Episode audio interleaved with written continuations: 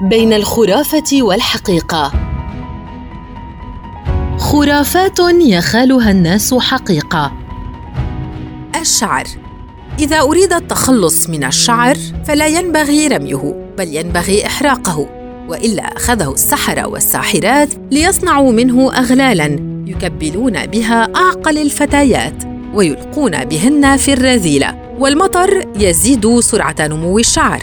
وكذلك يزيد القمر سرعة نمو الشعر المقصوص. وتدلي خصلة الشعر تدل على أن صاحبها ليس قويا في المحنة فقط بل هو يعرف كيف يحسن استغلال الفرصة المتاحة له. أما الشعر الساقط على الكتف الأيسر فهي تنبئ بوصول رسالة تحمل خبرا سعيدا. ومن سقط مشطه أثناء تسريح شعره كان سقوطه ايذانا بفشل بسيط. وإذا قص شعر البحار خلال هبوب عاصفة فهو سيتلقى خبرا سعيدا لدى عودته إلى منزله.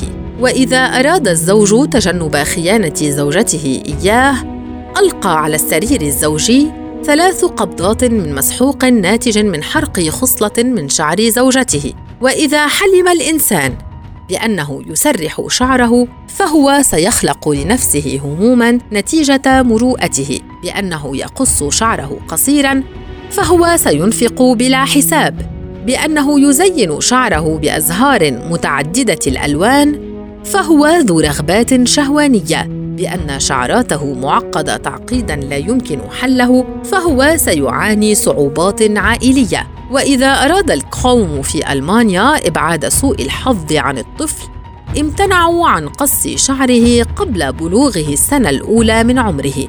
أما الطالبات الروسيات فلا يسرحن شعرهن عشية امتحاناتهن لئلا يتعرضن للنسيان كل ما تعلمنه. تدل الشفتان القويتان على امرؤ تزيد بساطته على تعقله ويتمتع بالجرأة والإقدام. وتدل الشفتان الرقيقتان على امرؤ كتوم في كل أموره وحذر وعرضة للغضب وراجح العقل. وتدل الشفتان اللتان تميلان إلى الدقة أكثر من ميلهما إلى الضخامة على مزاج معتدل في كل شيء. سهل التحول عن الفضيلة. وتدل الشفتان المتفاوتتان غلاظة على امرؤ يميل إلى الكسل أكثر من ميله إلى التسامح. وبطيء التمييز سريع التأثر للحظ التعس. إذا كان الشيء المصدع رخيص الثمن وجب التخلص منه. لأنه يكون قد فقد روحه.